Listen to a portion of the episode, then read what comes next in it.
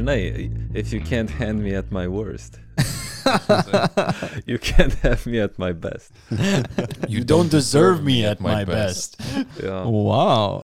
Sveiki, brangiai klausytojai ir klausytojas. Jūsų ausyse podcastas Proto Pemza. Kaip ir kas kart mikrofonų pagalba jūsų galvon, širdin ir sielon braunosi šaunusis Aivaras, Džambo. puikusis Povilas, Džembo. nuostabusis Tomas Ahoj, hoj. ir aš įrašyti būdvardį Vilius. Džembo. Džambo. Kas čia buvo? Nežinau. Swahili kalba reiškia hello. O, malonu, Mokau. malonu žinoti, šitai bus. Džambo. I love inside jokes. I'd love to be a part of one one day. Prieš pradedant mūsų nuostabios laidos epizodą, norėčiau pasidžiaugti, kad pirmą kartą po ilgos pertraukos dalis mūsų įrašinėjom kartu vienoj a, vietoj ir už tai ačiū mūsų Patreonam žinoma. Ir ačiū Airidui ir Mantui iš Pralaužk vieną šaltą, kad užleido mums savo studiją pa pasibūti. Jo, tai labai malonu iš tikrųjų būti kartu ir norėčiau į klausytojus kryptis ypatingai gal į Patreonus netgi, a, kad a, įvertintumėt garso kokybę, kurią gaunat šį kartą ir pasakytumėt mum, ar maloniau mus girdėti iš virtuvės, ar maloniau girdėti mus sėdint vieną šalia kito, nes viskas, ko mes norim, yra, kad jūs būtumėt laimingi. Taip, ir mums įdomu sužinoti, ar mūsų, mūsų klausytojai visgi mėgsta tokią geresnę, aukštesnės kokybės garsų įrašų versiją, ar visgi, visgi labiau tinka nekrorealistinis virtuvinis įrašas, kuriuo mes jūs apdovanojam kiekvieną kartą, kiekvienas kėdės brakštelėjimas ir mūsų bačyk pasijudinimas ir visa kita. Taip, pasakykit, kaip jums geriau. Paskatinti jūsų fantastiškiai proto pemzas fanai, šį kartą pristatome legendomis apipintą Dietlovo perijos tragediją. Ar čia bus vienas iš pasaulio paslapčių epizodų? Ne, tai yra devinių žygeivių žūtis Centrinio Uralo kalnuose 59 metų vasarį. Nors įvykis oficialiai tirtas du kart, o mėgėjiškai milijoną, klausimų į tai, kas nutiko devyniems žygeiviams, daugiau negu atsakymų. Tragiškų mirčių myslę gaubė visas įmanomas samokslo teorijų spektras - nuo sniego žmogaus ar NSO iki nevykusio sovietinių ginklų bandymo. Dėl to Dietlovo perijos incidentas iki šių dienų yra itin populiari tema Rusijoje, savo mastu prilyginama Kenedžio nužudimą supančių teorijų užmačioms. Mislė nemenka, todėl Dietlovo perijos incidentui skirsime net du epizodus. O šiandien kalbėsime apie žygeivių žygį ir žygio dalyvių mirtis. Kokią vietą šitą istoriją užima ru rusų sąmoniai? Galiu iliustruoti tavo klausimą tokią komišką istoriją, kai e, vienas iš mūsų šaltinių e, autorių nuvyko į Junktinės valstijas pabandyti išsiaiškinti, patvirtinti ar paneigti vieną iš žygėjų žuties teorijų, įėjo į mokslininkų pilną kambarį ir pradėjo klausinėti apie Dietlovą perėją. Ir nors nei vienas amerikietis apie tai nežinojo, trys ten buvę rusai ne tik, kad žinojo patį įvykį, bet žinojo visas įmanomas teorijas jį gaubiančias ir tai yra toks vietinio folkloro dalykas, apie kurį iki šių laikų yra pilna televizijos serialų, knygų. Ar tikrai Kennedys, tai gal labiau toks Roswellas? Sakau Kennedys dėl to, kad viena iš sudėdamųjų dalių, apie kurią kalbėsime vėliau, yra prilyginama tos e, kulkos e, nužudžiusios, nužudžiusios Kennedy klausimai, nes tai keičia visą bylos esmės. O aš nenoriu užbėgti kažkam už akių, bet... Bet. bet, bet. I totally will. Byla nėra. Sakys, tirta du kartus, ar ne? Oficialiai du kartus tirta. Oficialiai ir milijoną neoficialiai. Mhm. Bet ar jinai ištirta iki galo? Oficialiai yra atsakymas į tai, kaip tai Mhm. baigėsi, bet e, su Bet- tuo atsakymu nesutinka absoliučiai niekas, net patys okay. tyrėjai galiausiai. Tai e, nežinau, ar lengva tai įvardinti kaip, na, konkrečiu esančiu atsakymu ar išbaigtumu. Nes įdomu, ar naujesni laikai ir naujesnės technologijos ir mūsų šiaip progresas, ar duotų kažkiek akstino vėl atsiversti šitą bylą. Byla buvo paskutinį kartą pradėta tirti 2000, man rodos, 18 ir tik tai 20 ar 21 netgi pradžioj baigta. Tai čia yra labai Ai. labai šviežias antras tyrimas, kuris bandė tą padaryti, bet e, jo rezultatai lygiai taip pat yra apdengti visokiomis lėm, kaip ir tyrimo daryta prieš 62 metus. Tai Nice. Pirmiausia, prieš žengiant į šitą mūsų žygį šiandien susipažinkime su šaltiniais. Su Dietlovo perijos įvykiu susipažinome dėka Donio Eichoro Dead Mountain – The Untold True Story of the Dietlov Pass Incident ir Svetlanos Os Don't Go There True Mystery of the Dyatlov Pass. Čia daina buvo. Pats, pats geriausias kvietimas eiti ten. Taip, tai gre, greta to, žinoma, teko perskaityti AIB internetinių straipsnių, teko žiūrėti šiemet pasirodžiusi Liamo Legiliu dokumentinį filmą An Unknown Compelling Force, peržiūrėti YouTube'ės įrašų ir, na, nežinau, skiriu tam daugiau laiko, negu maniau, kad skirsiu galiausiai. Ir palyginti su informacijos kiekiu, kuris yra, visą tai, ką čia išvardinau, tai yra ant Lietkalnio viršūnės pastatytos ledų porcijos glaisto pirmas sluoksnis. Taigi, mėly klausytojai, turėsite gerus pagrindus nerti giliau į šitą balto triušio urvą. O mes nusikelkime į 1959 m. sausį. Veiksmas prasideda Sverdlovske, miestas, kuris šiuo metu vadinamas Jekaterinburgu. Beveik 800 tūkstančių gyventojų glaudžiančiame mieste dominuoja sunkioji sovietų pramonė, o Kazakstanas arčiau nei Maskva. Visiškas Europos paribys ant Uralo ir Sibiro slengščio. Nors sovietmetis vis dar gūdus, blogiausia lyg ir praeitie. Stalino ir Berijos lavonai jų spėjo supūti, o ore sklando chruščiovinio atlydžio tvaikas. Iš gatvės saugimiečiai grobė jau tik su rimta priežastimi. Menininkams ne tik apie Staliną dainuoti galima, o gulagose lyg ir vergų nebekaupė. Tokiame tad atsipalaidavimo laikmetyje subrendo mūsų istorijos herojai - Uralo Politechnikos instituto arba UPI sporto klubo nariai.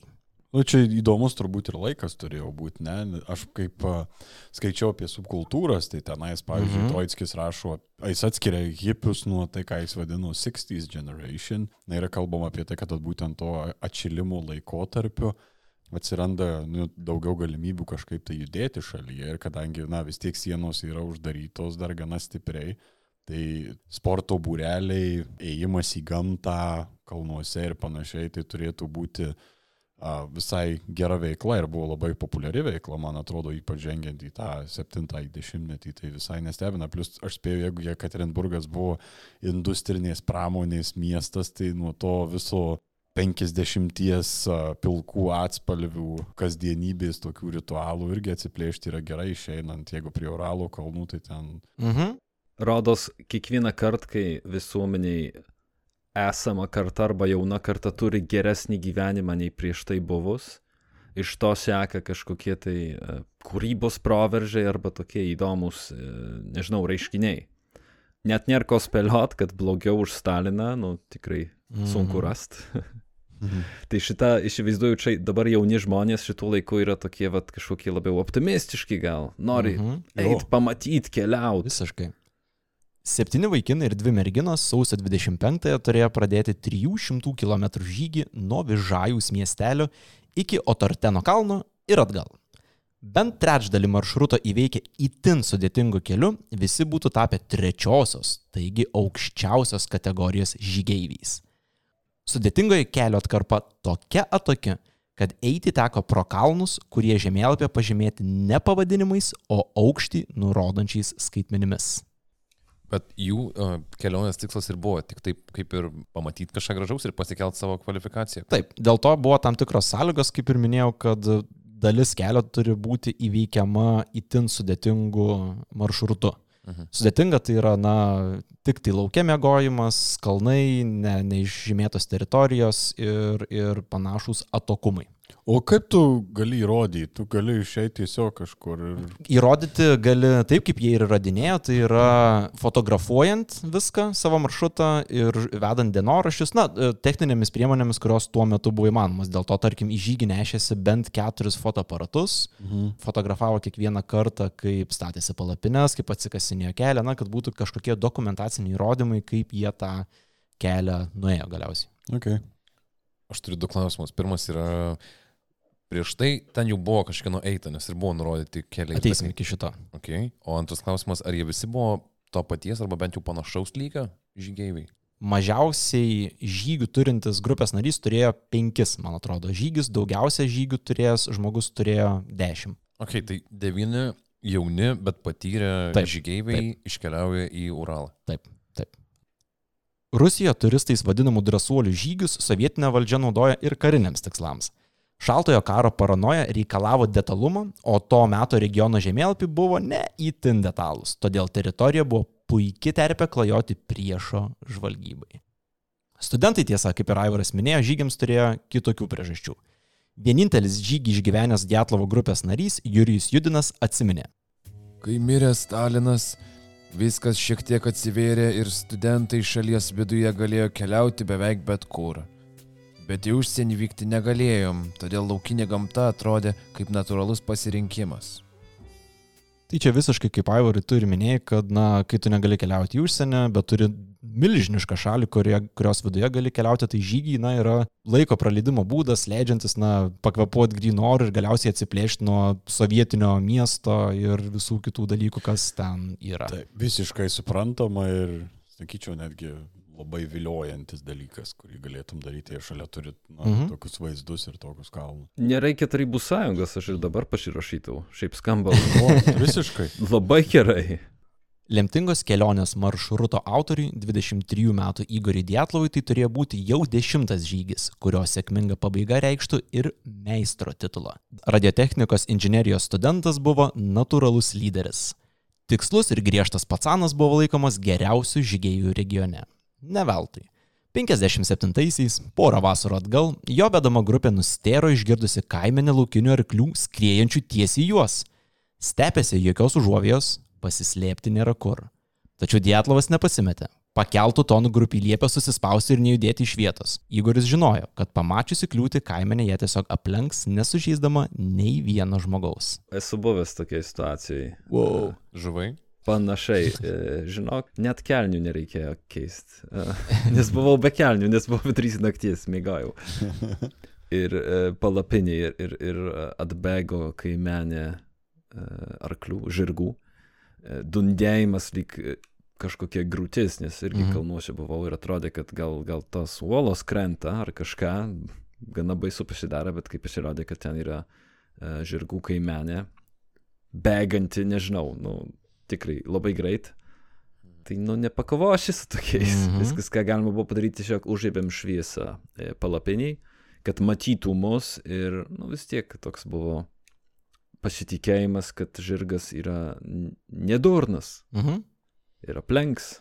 Tai Dietlovas žinojo, ką daro. Dietlovas žinojo, ką daro. Taip. Ir negana to, kad žinojo, ką daro, bet, pavyzdžiui, Judinas jį prisimena ir kaip tvirto žodžio žmogų, kurio reikėjo klausyti. Pavyzdžiui, palapinėje jo grupės nariai visuomet turėjo nusiauti batus ir nusiplauti kojas prieš lyzdami į palapinę. Nesvarbu, ar laukia plus 30 ar minus 40, visiškai nesvarbu.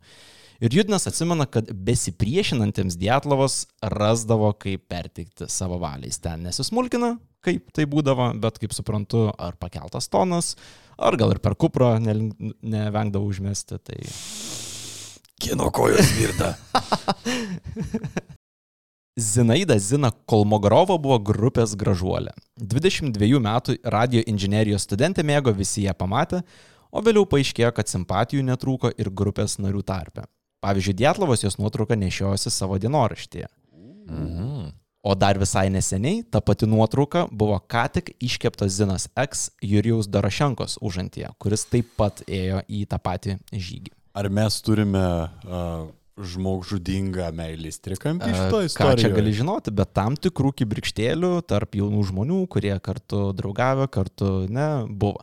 Pats Darašenka beje buvo 21 metų ir jis buvo Zinos kursiokas. Bičias iš skurdžios šeimos beje buvo pagarsėjęs drąsa. Ankstesnėme žygyje į stovyklavietę įsiveržus rudajam lokiui, Dorošenka nedvėjodamas čiupo plaktuką ir rėkdamas pasileido link žvėries, tokiu būdu išgindamas jį velniop iš stovyklos. O, arba labai durnas, arba labai drasus. Čia mes kalbam apie 20 metį, kuris pamatęs rudai lokį, nusprendžia bėgti ant jo. Bėgdamas. Mm. Wow. Bet čia gerai, jau specializacijos dėliojasi. Mm. Dietlovas arkliai, Dorošanka meškos. meškos. Zinaida vyrai. Suteimint žvėrį kokį nors.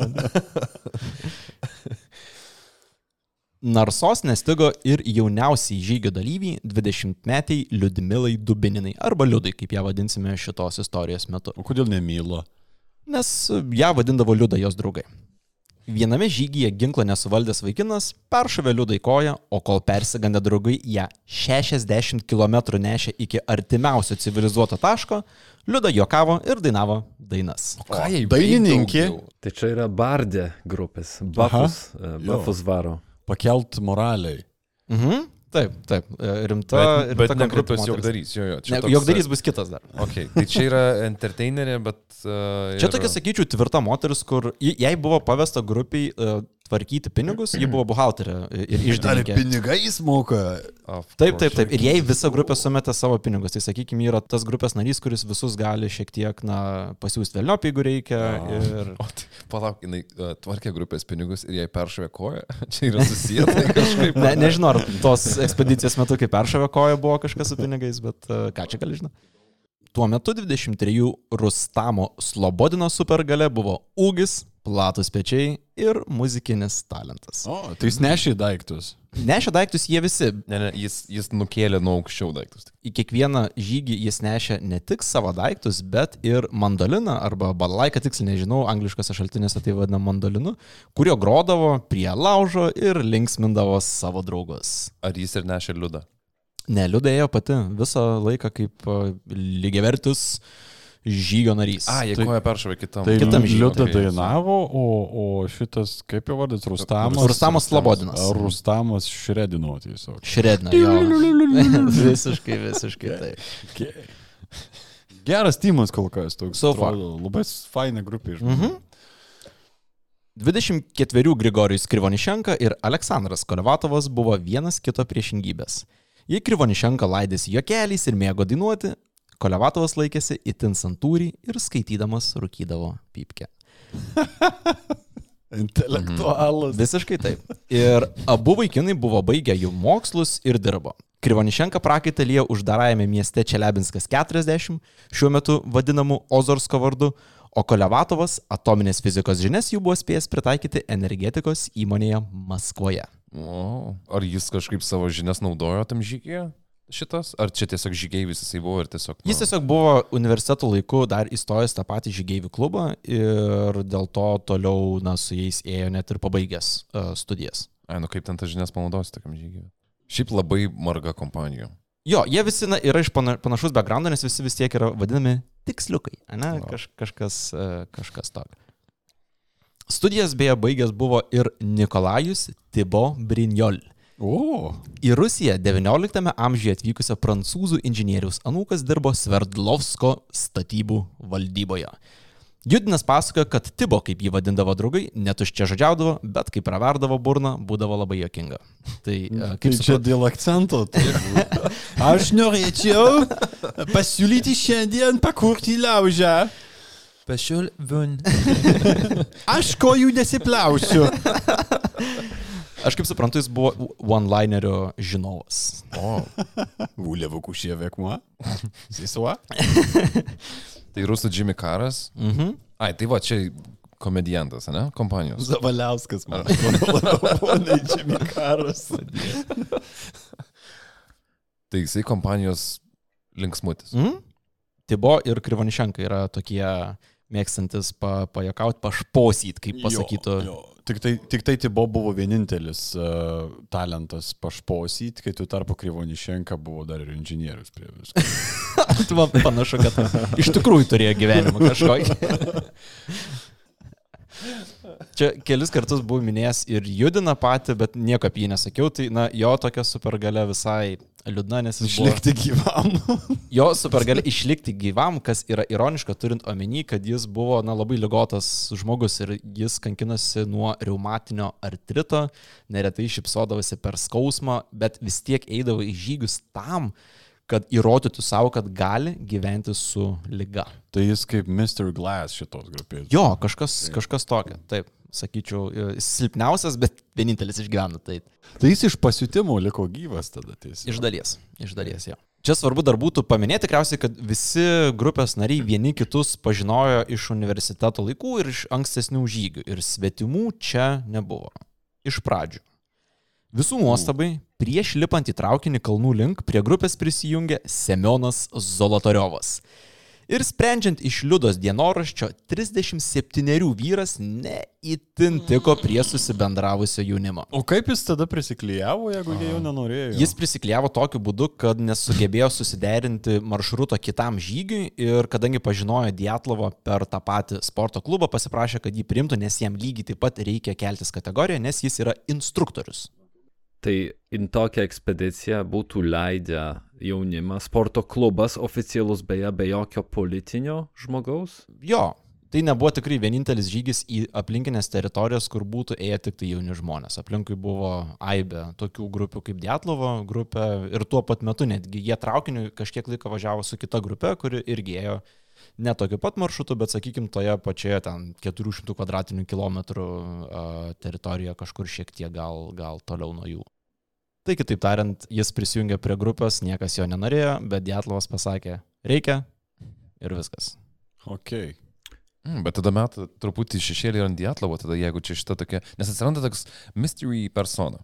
E, taip, visiškai taip. Bet kad ir kiek mažai dar apie jį dabar pašnekėjom, aš truputį į jo pasirodymą šitam žygį visam žiūrėsiu prisimerkęs. Tu ir visa Rusija. Taip, labai keistas dalykas. Jūs dar neišgirdot jo biografijos dalies, kertinės dalies, kuri yra, kad jis tarnavo Raudonojoje armijoje nuo 41 iki 46. Manau, verta paminėti, į kokią mėsmalį jis buvo patekęs, kad karą išgyveno 3 procentai jo gimimo metais gimusių kareivių. Tai Zolotarovas yra kolekcinė vertybė, ta prasme, šiuo, šiuo metu. Nu, didvyris turbūt Sovietų sąjungos. Spėčiau, jo. Jo, bet aš dar labiau prisimerkiau. nu, jo, visą tą periodą išgyvenus, turbūt pabuvojus ir kokiam Stalingradė, ten jo kažkaip. Tai čia taip, kaip prie main questo prisijungia žiauriai užnerfytas aukšto levelio e, veikėjas. Nei iš šio, nei iš to. Hello, fellow children. Traukinio dundesys, dainas ir naktiniai pokalbiai grupė lydėjo pirmus 400 km iki pat Vižajaus, kur maršruto pradžia dar tik laukia. Keliaudami palei Lozovos upę jie planavo pasiekti Auspijos upę vedančią link Uralo kalnų centrinės dalies. Žygeiviai turėjo pasiekti Otorteno kalną ir per žengę jį grįžti atgal iki Vižajaus. Vižajus taip pat žymėjo kelio pradžią vietinių gyventojų Mancių žemėje. Mansiai šioje teritorijoje gyveno dar gerokai iki Rusijos atsiradimo, todėl jų misticizmas žavėjo grupės narius. Dar yra apokalipto elementas čia. Atsiranda. Yra, yra. O. Tas žavesys Mansijais atsispindėjo tuo, kad Zinos, Slobodino ir Liudos dienoraščiuose matyti, kad sustojus pernakvoti medžiotojų gyvenvietėje, jie pasižymėjo kelis Mansių kalbos žodžių vertinius. Pavyzdžiui, oika reiškia vyras, o mais - maža. Metkirčių stovykla buvo paskutinis civilizacijos gurkšnis prieš patenkant į laukinę gamtą. Suprasdami, kiek vargo jaunuoliams prieš akis, metkirčiai pasiūlė iki artimiausios stotelės rogėmis nugabenti jų daiktus. Įdomu, kad rogas vadėlioja toks lietuvis Stanislavas Velikavičius, žygeivių vadintas Dėdė Slava. Kiek toli jie dabar jau yra, jie jau pradėjo kaip ir savo kelionę. Jie dabar yra prie tos sunkiosios kelio pradžios, sunkiosios mm. dalies. O ar maršrutas, nes aš nesu matęs, kaip atrodo tas mm. maršrutas, bet ar jis yra iki tam tikro taško ir tada tuo pačiu keliu grįžti atgal? Ar Ne. tai yra... Iki kalno, pereit kalną ir grįžti tada atgal. Teisingai. Žai. Seki uh, Lozvos upę, tada seki uh, Auspijos upę, tada prieini Uralo kalnus, peržengi vieną kalną ir kitą pusę uh, grįžti atgal iki to paties Vižaus. Tai padarai tokį, na, ratą, ratą aplinkui. Mhm. Okay. Laukinių miškų nusliuogus iki apleisto kaimo, kuriame Velikavičius jau laukia su daiktais, lygotasis Judinas prisipažįsta negalintis tęsti kelionės. Daryk, ką nori, bet nuo reumato skausmų žiemą nepabėgsi. Nors kelionę Jurijus tikrai norėjo tęsti, negalavimai galėjo tapti našta visai grupiai. Jei sukniuptų už 40 km žygyje, kreiptis pagalbos nebūtų ką ir žygis baigtųsi visiems. Tai tą dieną Dietlovas dienoraštyje pasižymėjo tokį įrašą. Jurijus Judinas šiandien iškeliauja namo. Žinoma, gaila, kad palieka. Ypatingai man ir Zinai. Bet nieko čia jau nepadarysi. Taip turi būti. Atsisveikinę, devyni žygeiviai įžengė į sunkiausią kelionės dalį - kelias užšalusios upės prieigomis. Čia tiesa laukia ir gražiausi vaizdai - milžiniškos olos, laukinis miškas, kalnai ir besišypsantis veidai nuolat sukosi grupės fotografijose. Žiūrint jas galima pamiršti, kad sniegas ir speigas buvo tapę neatskiriamų palidovų keliaujant rusiškos žiemos gniauštuose. Eik tu savo, čia grinai dabar įsivaizduoju viską vykstant kaip Cannibal Holocaust, tik tai viskas žiemos kontekste. Mhm. Tuoj prasidės labai šlikštus dalykai. Ši grupės maršruto dalis tęsiasi Mansių medžioklės keliu. Nutolus apie 50 km nuo artimiausios civilizacijos, vietinės tautos medžiuose išražyti simboliai buvo vienintelis ženklas, kad žygeiviai nėra pirmieji teritorijoje besilankantis žmonės. Grupės dienoraštyje pažymėta, kad kalbos apie mansius nuolat lydėjo grupę, o jų paliktus ražinius dienoraštyje aprašė ir Zina. Tikriausiai mūsų kelionė turėtų vadintis paslaptingų ženklų žemėje. Jei tik suprastume viską, kas parašyta, galėtume sekti keliu nesibaimindami, kad pasukome neteisingą kryptimį. Tai tie ženklai, apie kuriuos kalba Zina, yra na, nuskopta medžio žievė su tokiais įstrižais brūkšniukais. Čia yra visiškas scenarijus siaubo filmui, ta prasme, tu esi kažkokios tai genties mistinės, mm -hmm. genties medžioklės plotuose, mm -hmm. yra kažkokie išraižyti dalykai, kurių tu nesupranti ir ten turbūt gal yra parašyta kill everything on sight ar kažkas tokio. Va tokį klausimą ar turiu. Ar kažkas kada nors išsiaiškino, kas ten, pavyzdžiui, yra parašyta? Ar mansių raštai yra aiškus? Tai ar ant tų medžių buvo neikit mirsit, ar... Parduodu dviratį. Se, seną Audi 2000. Opelės kona. jo. Iš tikrųjų, ant tų medžių buvo pažymėta, kiek medžiotojų praėjo, kokio dydžio buvo banda elnių, kuriuos jie ganydavo, kiek šunų turėjo su savim. Labai būtinė, būtinė paprasta informacija. Skelbimus tūpai tokie beveik. Pa, taip, pakanka, pakankamai taip. Bet nežinančiam žmogui, na, aš įsivaizduoju, pats pamatęs tokį ženklą toli, tokiam miške, šiek tiek sunerimčiau. Aš ir... Aš apsidairyčiau.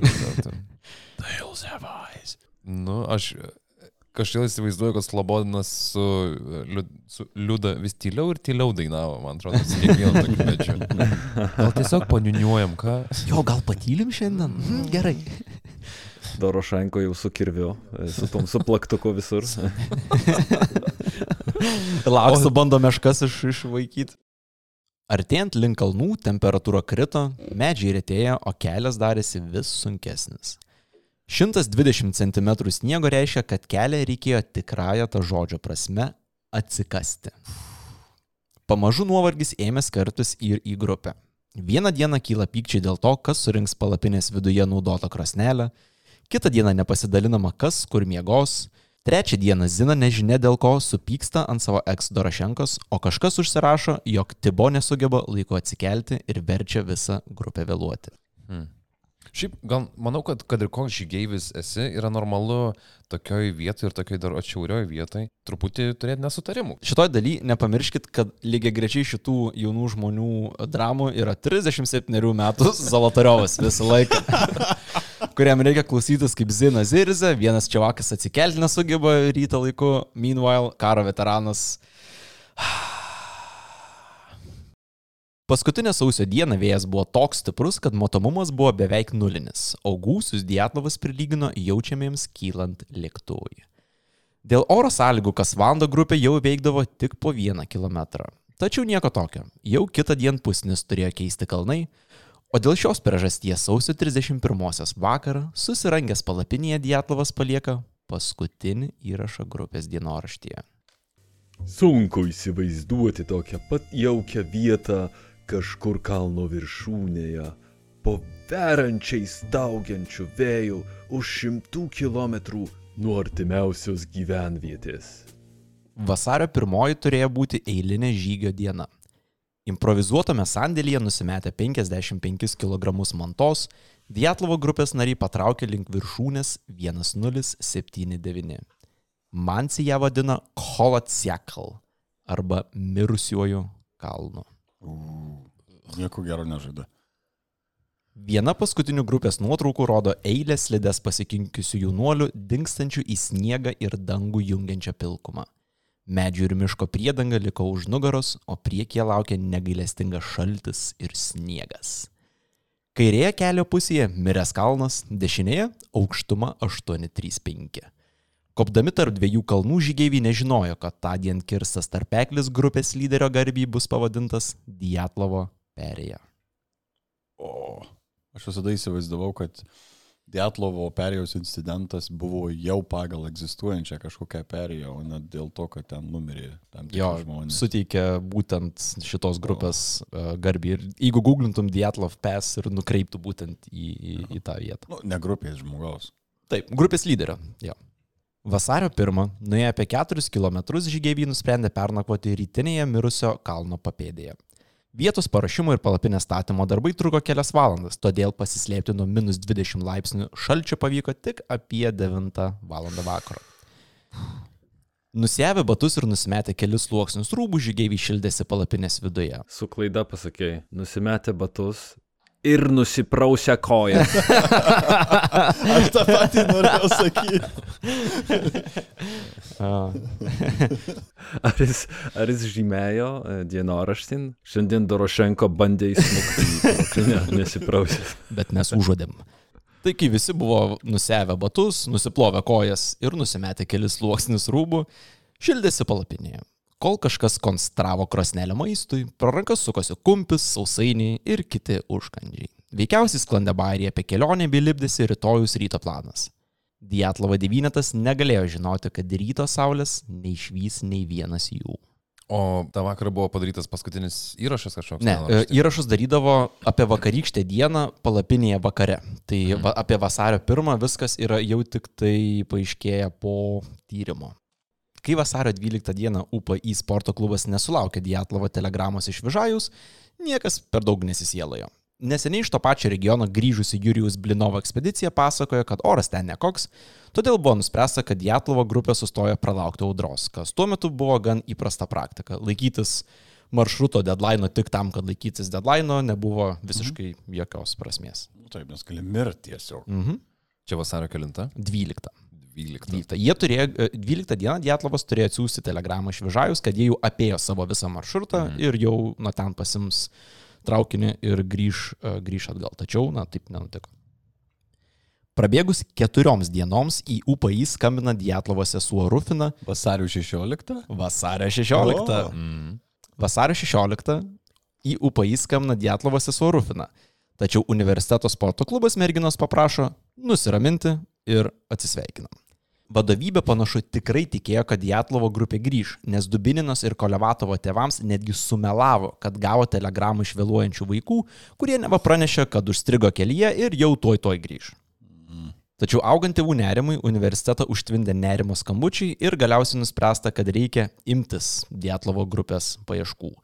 Ir oficiali paieška prasideda vasario 20 dieną. Tai čia jau yra 20 dienų nuo paskutinio įrašo, ar ne? Iš universiteto perspektyvos, sakykime, 12 turėjo pareit, 3-4 vėluoja, tai 3 dienas geriausiu atveju jie tik tai yra na, pasiklydę, kaip mato universitetas. Ne? Tai čia mes labai greit sureagavom. Jo, taip.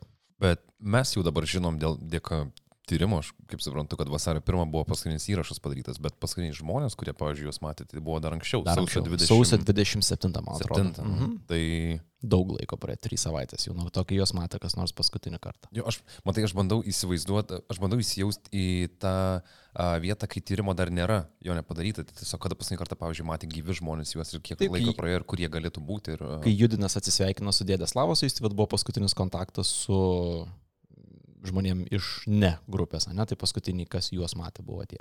Bet vėlgi, tuo metu vyravo nuotaika, kad e, jie šiek tiek vėluoja ir, kaip matome iš, universiteto veiksmų, pakankamai, na, atmestinai tiek, kad tėvam meluot, kad vaikai atsiuntė Ai. telegramą. Iš kitos pusės turbūt labai sovietinė praktika. Visiškai. Viskas gerai čia pas Taip. mus, čia nieko Taip. nevyksta.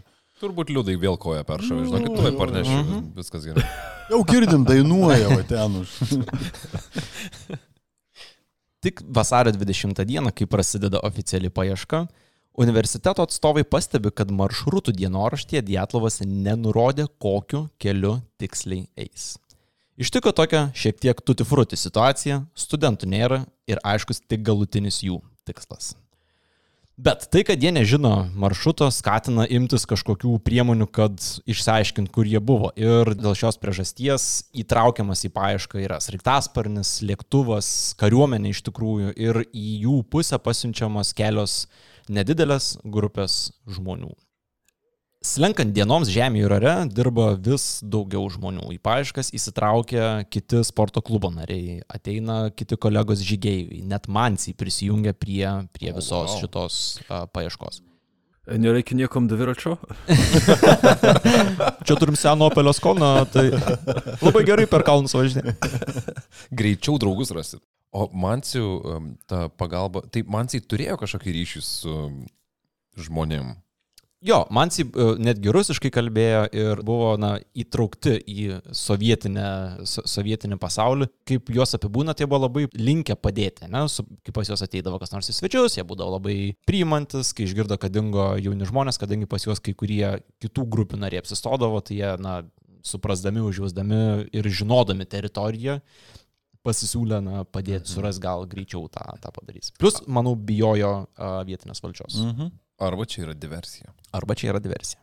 Maža to, kad e, šiaip Sovietų sąjungoje nutautyt mėgino visas tautas, tai vat e, čia buvėms vietiniams e, ypač skilo už jų šamanizmą, už jų animistinius religijas ir uh, labai aktyviai visus vat stumė in, in lagerus. Jo. A, šiaip labai yra įdomi knyga šitą temą vieno lenkų keliautojo, kuris trankėsi būtent po Rusiją kelis kartus su tikslu rašyti knygas ir e, iš kelionės savo ir jis lankėsi tarp kitko pas vat, e, ar tai ne čokčių, bet ev, evenų, evenkų e, tautos. Evenkai, man atrodo. Evenkų, jo, e, šamanus. Nu ir jis ten tikrai įdomių, įdomių istorijų parsiveža ir tokių nu, įvykių, kuriais sunku patikėti, bet uh, norisi. Mhm. Norisi, man atrodo, jeigu klausot šito podcast'o, tai jums ir norisi tokių istorijų. Jau- pardavė ties žodžiu šamanas, man atrodo, šitą. Vasario 26-ąją pirmasis proveržis. Du paieškoje dalyvaujantis studentai mirusio kalno papėdėje aptinka Dietlovo grupės palapinę. Atraminė struktūra stovi tvarkingai, nors viršus ir padengtas sniegu. Į akis krenta ant palapinės padėtas veikiantis žibintuvėlis ir greta besimėtantis ledo kirtiklis. Prisartinę studentai pastebi, kad į papėdę atsukta palapinės pusė visiškai sudraskyta. Nedrasiai žengia į vidų, jie nustemba, nes viduje tvarkinga. Viename palapinės kampe sudėtos kuprinės, kitame batai, trečiame maisto atsargos. Ieškantiems studentams tai puikiai žinia, paslapinė dar stovi, greta įsmygtos slidės, o tai reiškia, kad sniego lavinos, taigi ir mirtino pavojus čia tikrai nebuvo. Viduje visi daiktai, todėl niekas ir neapiplėšė. Kūnų nėra. Ne, kūnų nėra, yra tik daiktai ir tvarkingai sudėti. Ar jie visą laiką nakvojo tik vienoj palapinėj? Taip, jie turėjo vieną palapinę, kuri beje buvo savadarbė, padaryta iš dviejų keturviečių palapinių, aštuonvietę palapinę. Ir vienas iš radusių žmonių buvo tas žmogus, kuris padėjo Dietlovui ją pasigaminti. Dėl to jis labai iš karto atpažino, kad čia yra būtent ta palapinė, kurios jie ieško. Toks. Ah, gaila, kad suplešė. Brudai. Kitą dieną dar vienas proveržis. Vos už 20 metrų nuo palapinės aptinkami pėtsakai vedantis žemyn link papėdėje esančio miško. Maždaug kilometrą tęsiasi devinių žmonių pėtsakai ir išdėstymas rodo, kad grupė nebėgo, o ėjo ramiai. Pamiškėje pėtsakai baigėsi, tačiau daugiausia nerimo kelia tai, kad dalis pėtsakų atrodo padaryti basomis. Mhm, mhm. Toliau šukuodami mišką, maždaug už pusantro kilometro nuo palapinės, pora studentų prieina didžiulį seną kedrą. Tačiau kažkas čia ne taip. Iš tolo matosi, kad nuo kamieno šešis metrus į viršų nulaužytos medžio šakos, o dalis jų nudegusiais galais mėtosi aplink medį. Tačiau smalsumas vaikinus veda arčiau.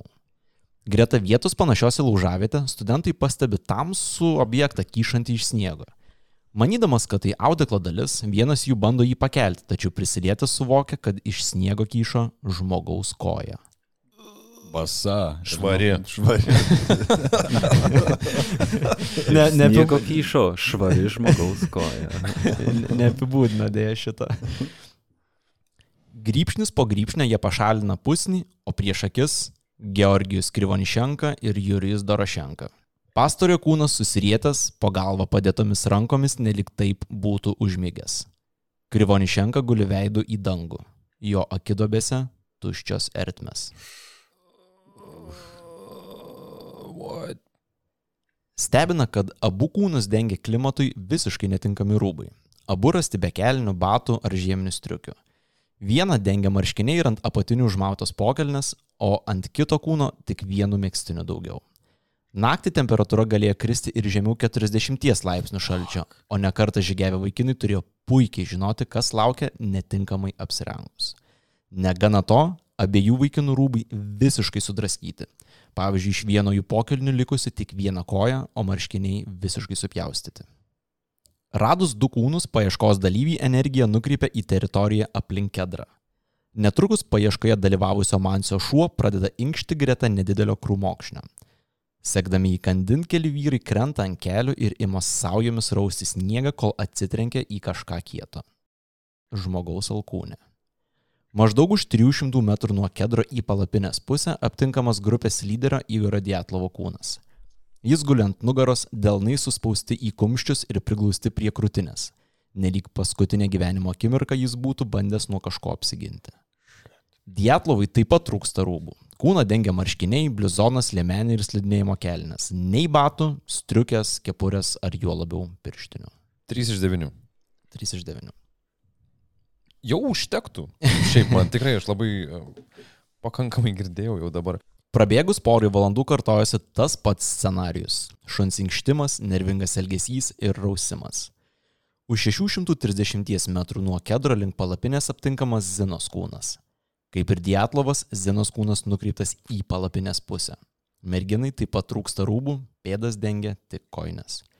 Vėliau autopsija parodys, kad visų tą dieną rastų žygeivių mirties priežastis - hipotermija arba sušalimas. Tai kiek jau radom? Šiuo metu turim keturis, e, keturis Taip, žygeivius rastus lavonus. realiai tą pačią dieną. Svarbu šitoje vietoje yra, kad pirmi du rasti šalia kedro, kiti du rasti nuo kedro į palapinės pusę. Ir Dietlavas už 300 metrų nuo kedro į palapinės pusę, Zina už 600 metrų. Tai Zina toliau už Dietlavą į, į Tarytum pusę. bėgtų atgal. ar ne? Tarytum bėgtų atgal, jo, kažkas, kažkas panašaus atrodo, kad būtų. O kaip toliai yra kedras nuo palapinės? Pusantro kilometro. Aptikus keturis kūnus, paieška perauga į kriminalinį tyrimą. Paieškos grupės vadovas, UPI sporto klubo galva Jevgenijus Maslenikovas telegramoje rašo. Mes visiškai nežinome, kodėl grupė išėjo iš palapinės tik pusiau apsirengę. Neturime net menkiausio suvokimo. Tuo metu Ivdelio miesto nuovadoje tyriama Dietlovo palapinė. Paaiškėja, kad ji nesudraskyta, o supjaustyta peiliu. Ekspertizė rodo, kad pjūviai atlikti iš vidaus. Naktį iš vasario pirmosios į antrą devyni žmonės buvo užklupti siaubo, nepalikusio laiko atrišti palapinės įėjimo. Tai kai minėjau, kad istorija lygina Kenedžio žmogžudystėje, tai palapinės supjaustimas yra kulka, e, kulkos analogas. Pradėjus apylinkėse buvusių žmonių apklausas, tyrėjai sužino, kad vasario 17 dieną tiek Mansiai, tiek kiti UPI žygeiviai danguje matė keistas šviesas. Here we go. O, Ah, nu gerai, fuck it, davai. Piotro Baktervo grupės dalyviai ir pasakojo apie šviesos kamolį naktį pavertusi dieną.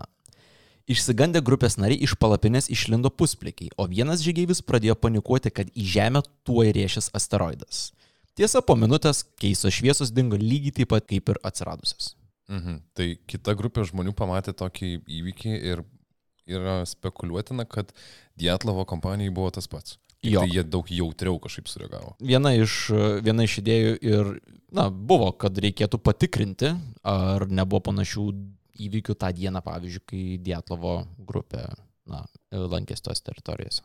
Ar yra kažkokie detalesni aprašymai tų šviesų? Buvo prašytos kur kas vėliau vieno iš Bakterovo grupės dalyvių, kuris jas apibūdino vėliau, jau būdamas senas vyras, kaip tikriausiai kažką panašaus į raketos paleidimą. Tai buvo kažkas panašaus, ką mes kalbėjom Petrozav apie Petrozavodsko įvykius. Nu, man čia visiškai nepanašu į Petrozavodsko. Už tai Petrozavodsko atveju labai e, vaizdžiai ir konkrečiai žmonės įvardijo. Tai vienas pasako kaip medūza, kitas kaip e, skėtis, kaip e, dūmai buvo labai tokie grafiški tie palyginimai. O čia mes turim tik tai e, kabutėse keistos šviesos, kuris galbūt reiškia tiesiog e, viryklę, viski kitų dujų gavo ir kita spalva. Matai, Lange- tikriausiai, Lange žiba. matai, tikriausiai taip yra dėl to, kad turim labai mažai žmonių, kurie galėjo nupasakoti šitą dalyką. Yra realiai, na, keli, keli žmonės. Ir žmonių, kurie matė, tikriausiai yra daugiau. Užrašytus turim kelis žmonės, tik tai dėl to tai, tai apsunkina įvertinimą, kas per keisą šviesos tai buvo. Bet šiek tiek paradoksalu, kad paskutinėje Dietlovo grupės padarytoje nuotraukoje absoliučioje juodumoje matomas išsiliejęs šviesos blynas. Lyg drebanti ranka būtų užfiksavusi kažką skrodžiant dangų. Tai negalėjo būti mėnulis ar nu kažkokie Tai galėjo- prasti. Tai galėjo būti labai daug dalykų, kad ir e, fotoaparato kažkoks, na, klaida, bet taip jau nutiko, kad paskutinė nuotrauka e, yra, man rodos, negatyvas 34. Tai yra juoda, e, juodas fonas ir tokie balti blobai per, per jį. Ir kai kalbam apie tai, kad yra keistos šviesos ir tu matai, kad grupės paskutinė nuotrauka, kuri tikriausiai daryta yra paskutinę naktį, kyla įvairių klausimų, ne? Kita kūno paieškos dalyvį aptinka kovo 5 dieną. Už 480 metrų nuo kedro pusiaukelėje tarp Dietlovo ir Zinos aptinkamas Rustamo Slobodino kūnas. Palyginti su kitais aptiktais draugais jį dengia kiek daugiau rūbų. Dvi poros kojinių, vienas autas ir trys sluoksniai viršutinių rūbų. Myslę užmina autopsijos rezultatai. Ant Slobodino kūno matyti fizinių sužalojimų. Kairėje pusėje skilusi kaukolė, o veidas gerokai apdužytas. Nors mirties priežastimi įvardyjama hipotermija, kaip sniegė rastas vaikinas susiskaldė kaukolę, neaišku. O tai jo kaukolės kairė pusė sutrupinta.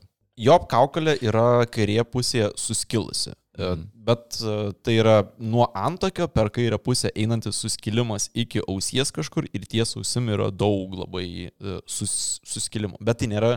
Bet tai nėra atviras uh, skilimas. Ne, ne, tai yra, tai yra vidai. Kaip viduj. įvardijo po to e, tyrėjai ir kaip atsirado na, kitokių teorijų, sakykime, tai viena iš jų yra, kad gal jis griuvinėdamas paskutiniam savo gyvenimo akimirkom e, pasidarė tas, tas žaizdas, bet mhm. vėlgi yra kitų žmonių, kurie sako, kad nevelnio taip nėra ir negali būti, nes sužydimai yra per stiprus tam, kad... Jo, būtų nes padaryt. įdomu turėtų atrodyti, tiesiog žmogus kritinėja ir savo susiskaldo kaukolę. Nu, Žinai, yra agonija tikriausiai ir mes duok dievę niekada nesužinosim, Oi, ką tai reiškia, nelabai faktas. gali įsivaizduoti, ką žmonės tuo metu, tuo metu daro, bet Mhm. palyginti bent jau su kitais keturiais rastais, tai yra, na, keista, nes kiti mirė, Mhm. aiškina hipotermijas ir štai turim atvejį, kai yra sužalotas veidas ir suskilusi, su, su jo suskilusi kaukolė. O ką jeigu čia buvo meškų samokslas atkeršyti? Ar- Tu pirma- do, ne, Dorošenką užmušė pirmiausia. Taip, pirmą užmušį Dorošenko ir tada turi tokį free pass, kad ir su tuo pačiu plaktuku likusią kompaniją visą ištaškyti. Du metus plotino, ant kiek buvo įsižeidus meška, kad galėtų grįžti atgal ir jam atkeršyti. Sekė visą laiką. Ir taip, jo, atsimenu. Meška niekad nepamiršta. Prašyčiau, Tas, tas plikas bekailis rodas. Labai svarbu pabrėžti, kad tai buvo rudasis lokys patinas. Ir jūs įsivaizduot, kaip jį turėjo um, pažeminti, kad kažkokią beždžionę jį išgynė iš teritorijos. Plika beždžionė. Plika beždžionė, jo. jo. Silpna be dantų Rim- kažkokia. Prarandi veidą prieš kitas meškas. Taip. Nulis, nulis street Taip. credo. net. Ei, vėliau ir kiti prarado veidą, bet Vi... kitom aplinkybėm. O, visą savo meškų giminę sukvietė tam, kad galėtų įvykdyti šitą nusikaltimą, nes paim devyni žmonės vis dėlto ne vienam. Vis, visus pusbrolius. Ja. Mes už tave atkeršysim slavą. Bet toks sėdi palapinį, girdi laukia ten lyg ir vėjas pučia lyg ir, ka- ir kažką. Tyli, toks- tyli, triratuko garsas. Vadas ant generacijų atvaro. Įvairi, tu irgi girdi tą cipsėjimą? Hmm. Leisk išlys, pažiūrėsi. Bet tokia iš, iš toli, toli tokia ir cirko muzikėlė. Vis lietai, lietai. Hei, jeigu aš kalnuose pradėčiau girdėti artėjančią cirko muzikėlę, aš irgi išsipjaučiau iš palapinės laukant tikriausiai. O laukia išsipjauni lauko, ten stovi tokie puslankių tiesiog meškos ir taip muša plaktukai delną. Nu, nu. Pažygiavot ir gana. Kažkur tolumojo. Vienas pusbrolis, vienas pusbrolis ant kamulio baldo balansuotis visą laiką. Kažkas pro žiedų šokinėja. Paaiškina, iš kur pas tą čia buvį dviratis. Iš meškas grįždamas po nusikaltimo paliko tikriausiai, ne? Metė. Žinai, kur čia buvo. Fuck it, varom. O, žiūrėk, geras dviratis. Tai vėliau, tai ir mes čia iš, iškėlėme naują teoriją viso šito reikalo. Funny enough, ne, neteko matyti nei vienos teorijos, kuri devynių žygėjų mirtis susijęto su organizuota meškų ataka. Manau, turim kažką naujo šitoje vietoje. Labai Labai- labiau tikėtina nei jėtis. Labiau tikėt. La, labai nenustepčiau, jeigu uh, po šito įrašo pasirodymo gyvai su mumis susisiektų FSB ir pasakytų, kad mes žinom per daug. Nes, hei, niekada neužgauk meškos. Ištyrus kūnus bei ruošiantis laidotuvėms, vietinė valdžia ima slapukauti. Partijos vadovybė reikalauja, kad penki žygeiviai būtų palaidoti Ivdelyje, autopsijos atlikimo vietoje, o ne Sverdlovske, kur gyvena mirusiojo artimieji. Pasipiktinę, jie užtvindė regiono valdžią su klausimu, kodėl. Kol viename susitikimu su valdžia Kolevatovos sesuo neištvėrusi teiškė. Kas čia per konspiracija vyksta? Už ką mums reikia kryžiaus kelius eiti, kad savo artimuosius palaidotume jų gimtajame mieste? Jūs elgitės kaip beširdžiai prieš gedinčius žmonės. Ei, bet labai suprantami jausmai, kai nėra O, jokio paaiškinimo. Taip, Tai būtent. Labai keista iš viso, kad uh, valdžia galvoja, kad praslys šitas dalykas, Aha. kad palaikit savo vaikus ne savo mieste, o kitam mieste, nes, hei, priežastis. Akivaizdžiai, akivaizdžiai nepasimokė vėliau, nes kaip žinom ir su Kalanta bandė tenai slėpti, mhm. kažką tampyti ir galiausiai gavosi, kad turėjo kelis tūkstančių žmonių tiesiog į gatvę einančių. Partijos vadovybė nusileido, tačiau su viena sąlyga. Bus rengiamas dviejos atskiros laidotuvės, kuriuose dalyvaus tik artimieji. Krivonišenka bus palaidotas atskirose kapinėse arčiau tėvų namų, o Dorošenkas, Zina Dietlovas ir Slobodinas atguls į bendrą kapą. Nors tėvai sutiko, išvengti minios nepavyko ir kartu laidojimų žygeivių paskutinėje kelionėje dalyvavo tūkstančiai žmonių. Mini pasiekus kapinės pareigūnai užtvėrė pagrindinius vartus ir įsakė naudotis šoniniu įėjimu. Žmonių galvose sukosi tik vienas klausimas - kodėl vietinė valdžia nori užglaistyti tragediją? Sverdlovskui vis dar šurmuliuojant tyrimui vadovaujantis prokuroras Levas Ivanovas išsikviečiamas į Maskvą. Amžininkai pasakoja, kad grįžęs iš sostinės Ivanovas ėmėsi redaguoti parodymus ir pradėjo kur kas atsakiau rinktis, ką sako. Sugriuvus Sovietų sąjungai jis pripažins, kad Maskvoje jam įsakė nustoti tirti bet kokį ryšį tarp mirčių ir šviesų danguje. Likusių grupės narių kūnai buvo aptikti tik gegužės penktą dieną. Tirpstantis sniegas atidengė rūbus besimėtančius vos už 50 metrų nuo kedro, greta kurio buvo rasti pirmi du kūnai. Nors teritoriją paieškos grupė šukavo ne kartą, tuo metu nebuvo žinoma, kad sniegas lepia kelių metrų gylio daubą. Pastebėję nedidelę pušį nulaužytomis šakomis, paieškos grupės nariai pradeda kastis gilyn ir galiausiai atsitrenkia į kažką kieto. Maždaug keturių metrų gylyje aptinkami keturių likusių grupės narių kūnai. Šiuos skalavo tirpstantis sniegas ir daubos apačioje srovenės upelis. Iš visų trijų atpažįstamas tik liudos veidas. Jei taip pat trūksta akių, burnoje nėra liežuvio. O kodėl? Liežu... Liežuvis nėra greičiausiai irstanti žmogaus burnos dalis. Iš viso, kodėl miniu e, tą liežuvio nebuvimą yra tai, kad vienintelės liudos autopsijos ekspertizai buvo pažymėta, kad nėra liežuvio.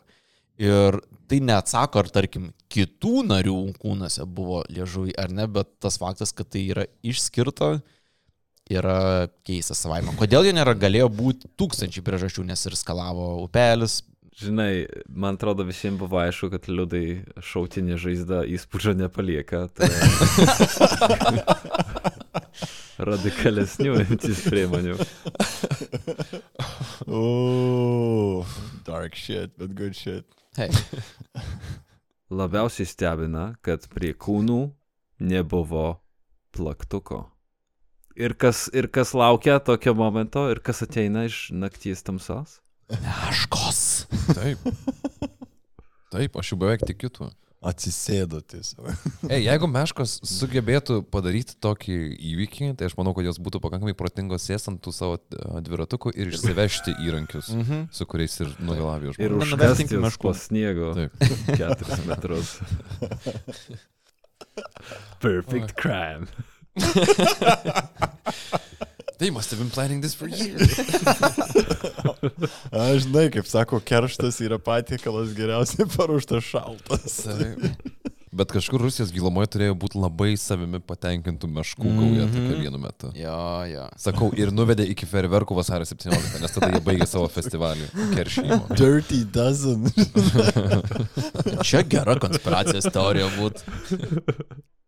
Tikriausiai nieko nenustebinsiu, tačiau kaip ir anksčiau rasti grupės nariai, Liuda, Kolevatovas ir Tibo apsirengė visiškai nedekvačiai žiemos orai. Vienintelis karo veteranas Zolotariovas turi daugiau rūbų, o ant jo rankos dėl kažkokios priežasties du laikrodžiai.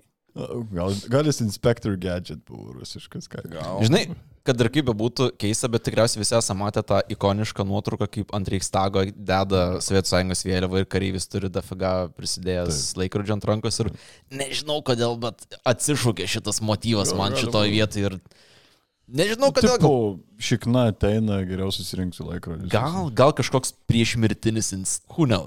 Bendro būseną apylinkėse iliustruoja makabriškas įvykis bandant į Ivdelį pargabenti ką tik rastus palaikus. Transportinio sraigtasparnio pilotas atsisakė šiuos priimti į orlaivį iki tol, kol jie bus patalpinti cinko karstuose, kurie yra skirti apsisaugoti nuo biologinio ginklo.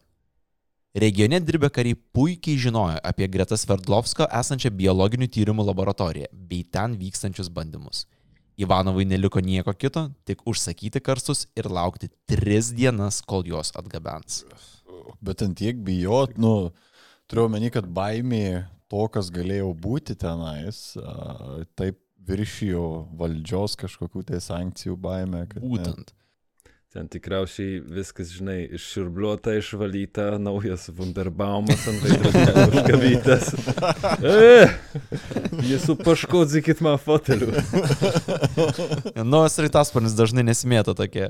Kartu ir parodo, kad pilotas tai buvo nepeštas, jeigu nebijojo Mhm. e, paprieštarauti prokurorui. O jo. Vietoj aiškumo keturių kūnų ekspertizė tyriems tik užminė naujų mislių. Vienintelio Kolevatovo mirties priežastimi įvardyjama hipotermija. Likę nariai mirė nuo fizinių sužeidimų. Pavyzdžiui, Lidmilai aštuoniose vietose lūžė šonkauliai, vienas kurių perdūrė širdį. Zolotariovui šonkauliai lūžė penkiose vietose, o kairėje kaukolės pusėje žioja skylė. Abu paskelbti mirė dėl sunkios krūtinės traumos. Tuo metu Tibo mirties priežastis dar keistesnė. Vaikino kaukolė kairėje pusėje visiškai sutrupinta. Kaip tyrėjai vėliau paskelbs, trijų dauboje rastų kūnų sužeidimai itin panašus į matomus auto įvykiuose, ne kalnuose. O ar galėjo tai būti su plaktuku atlikta? Greit važiuojant dviračiu. A, auto įvykiuose, o jeigu dviratis dalyvauja tame įvykė, tai yra auto įvykis. Vis Tai meškų teorija kol kas laikas šitoj, šitoj vietoj. Norėdamas patikrinti, ar sužydimų nesukėlė koks tai keistas sprogimas, prokuroras Ivanovas gegužės viduryje užsakė atlikti radiologinį žygeivių ir jų daiktų tyrimą. Nors vidaus organų mėginiuose nieko neįprasta nebuvo aptikta, dviejų mėgstinių pavyzdžiai įvardinti radioaktyviais. Tyrimą atlikęs radiologas Levašovas konstatavo, Arba tirti rūbai užteršti atmosferinėmis dalelėmis, arba dėl kontakto su radioaktyviomis medžiagomis. Tačiau, kaip ir minėjau žodžiu, radiacinė tarša viršyje lygiai leistina dirbantiems su radioaktyviomis medžiagomis. Ta norma beje buvo viršta ne šiaip savo. Du kartus. Tačiau radiologinio tyrimo rezultatai nurašyti kaip neturintis įtakos mirtims. Todėl gegužės 28 dieną, vieną dieną po rezultatų gavimo, Ivanovas oficialiai uždarė Dietlovo ekspedicijos tyrimą dėl nusikaltimo sudėties trūkumo. Visų devinių žmonių mirties priežastis byloje įvardyjama kaip nežinoma didžiulė jėga. Tiesiog nežinau. Jep, O, ir čia yra oficialaus tyrimo pabaiga. Čia yra oficialaus kriminalinio tyrimo pabaiga. ateistinėje utopijoje. Taip, taip. Tai yra nežinoma didžiulė jėga. Wow. O jie jau- Wow. Taip, bet ant tiek parodo, kiek jie neturėjo jau ką, Taip. ką sugalvoti. Nuo tyrimo pradžios Kita. praėjus trims mėnesiams, man rodos, gal netgi mažiau negu trims mėnesiams yra uždaroma kaip baigtas tyrimas. Tai yra baigtas tyrimas. Ir kodėl mirė? Nu, Nežinau. kažkas buvo. Vadykit mane optimistu, ale man čia atrodo toks stebinantis nuoširdumas iš sovietų. Būtų daug paprasčiau sumeluot, pas, išsigalvot kažką. O tiesiog pasakė, nežinom ir, ir nu, sorry. Ir netikėtai užbaigta byla klausimų paliko kur kas daugiau nei atsakymų. Kodėl devyni kalnų žygių ragavę žmonės sudraskė vienintelę užuovėją nuo mirtino šalčio tik tam, kad basi ir netinkamai apsirengę nuo jos nueitų. Kodėl dalis jų mirė nuo fizinių sužeidimų ir galų gale kas per šviesas skraidė danguje, bei kodėl žinia apie įvy- įvykius pasiekė Maskvą. Į šiuos klausimus, mylimi klausytojai, pabandysime jums atsakyti antrojoje Dietlovo perijos mislės dalyje. Come on! You son of a bitch. Ta Žinau, žinau, bet yra daugiau nei 20 teorijų. Ir Mėlynų kamuolių prigamina iš čia dabar ir paleisim mus, tipo. paleisim, ir paleisim keturiom savaitėm pasvarstyti, kas galėjo. Keturiom savaitėm. Bet pažadu, kad kai grįšim, išgirsit įdomiausias teorijas ir netgi mūsų pačių teoriją, kas galėjo įvykti tą lemtingą vasario pirmosios naktį. Ar nori pasakyti, kad tai galbūt nebuvo meškos? Aš manau, kad visą epizodą tikriausiai skirsim vienos šitos teorijos analizai. Ar bus Dietlovo perėję 2, ar tai buvo meškas. A? Trys epizodai, trys epizodai, povilai. Atspėjai. Ačiū vėliau. Wow, ačiū vėliau. La, labai užhypinai, labai tamsi istorija, labai baisi istorija, tačiau labai užhypinai, man atrodo, einant į kitą epizodą. Aišku, čia, kaip sakant, kaip ir su filmu kokiu, kuriame nieko nevyksta ir paskui viskas paliekama yra antrai serijai, bet e, šiuo atveju... Nieko nevyksta, Šiuo atveju, prašyčiau. šiuo atveju už mėlynus kamolius aš atleidžiu tau. Mane gal truputį nervina šitą istoriją, nes viską, ką dabar išgirdau, aš noriu pats kažkaip paaiškinti savo galvoj. Ne? Man nelabai išeina, išskyrus tą vienintelę šitą išeitį, kad tai buvo meškos, bet kitam epizode tu dar labiau sujauksi iš tikrųjų e, visą šitą istoriją, kokiu galėjo, žinai, būti e, priežasčių tam visam. Mhm. Ir aš bijau, kad aš labai ilgai kankinsiuosi, nežinodamas, kas iš tikrųjų tenai įvyko. Tai how dare you? Ačiū, Paulai, priims taip kaip, e, tai kaip komplimentą ir tikiuosi, kad tau patiks teorijos, kurias uh, tu išgirsi epizode Dietlava perėje, ar tai buvo meškos. Bet- Ei, pats Bet šiaip atrodo toks gana esmingas momentas šitas įvykis, ne, kai tu pagalvoji iš platesnės perspektyvos, jeigu kalbant rimčiau ir, ir einant, e, nu, kalbant apie to meto politinę, socialinę kažkokią terpę, kurioje viskas vyko. Čia mes turime įvykį, kuriame pats režimas a, pripratęs meluoti turbūt kiekvienam žingsnėje, net ir pačiais kvailiausiais būdais, Mhm. pačiomis a, tiesiog neįtikėtiniausiomis kartais teorijomis ir kryptimis, kuris atsisėdo, rankas atmetė ir pasakė, mes nežinom, Mhm. kas čia buvo. Čia yra labai, sakyčiau, toks nuvertintai šiek tiek nustumtas į šoną aspektas viso šito įvykio, kad net nėra bandyta. Nu, atseit, viskas, mes, mes čia Yra. pradėgi esam. Taip galvoju, kad šitas, šitas incidentas, šitas įvykis turi daug elementų, kurie yra, rodos, labai paprasti, kasdieniai, bet kartu ir skatina vaizduoti. Nu, pavyzdžiui, e, tie čia buvai, kurie mm -hmm. turi Mhm. savo mitologiją, savo kažkokias runas, kurias raižo ant medžių. Ir kiekvienas iš jų pats savaime atrodo kartu sujungus, jie sudaro kažkokį tokį mistinį pasakojimą. Labai aišku pasidaro, dėl ko tiek daug teorijų gali būti prikurta Mhm. apie tai, už tai, kad yra vat, kažkokia radiacija, kažkokie čia buvai. Ir dėl to mes turim dabar tiek daug e, serialų, filmų ir mhm. Mhm. internetinių puslapių skirtų vien tik tai šitam. Ne, čia toks vos ne man kažkaip Lov Lovecraftų kvepia. Jo. Kažkokiu tokiu. Jo, man tas pats kilo, kai, kai buvo kalbama apie tos medžius ir išraižytus ir tu įsivaizduoji kokius nors e, kutulų kulto atstovus išlendančius ir ten kutulų fatan, žinai. Taip, tai labai tikimės, kad uh, įsijungsit mus ir už dviejų savaičių, ir už keturių savaičių, ir bet kada kitais kartais.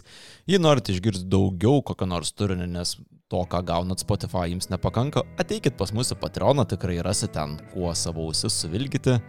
O šį kartą sakome jums ačiū, kad uh, įsijungiat ir sakome iki. Iki, iki, iki. Ačiū. Iki. Viso. A, būkit saugus. Iki. Sako kitys miškų. Mėlyjeji mūsų patronai ir mielosios patronetės. Proto Pemza jums dėkoja už neblėstantį jūsų dosnumą. Ačiū, kad dalinate savo sunkiai uždirbtą valiutą su keturiais profesionaliais mėgėjais. Keliam kepures ir žemai lenkiam galvas.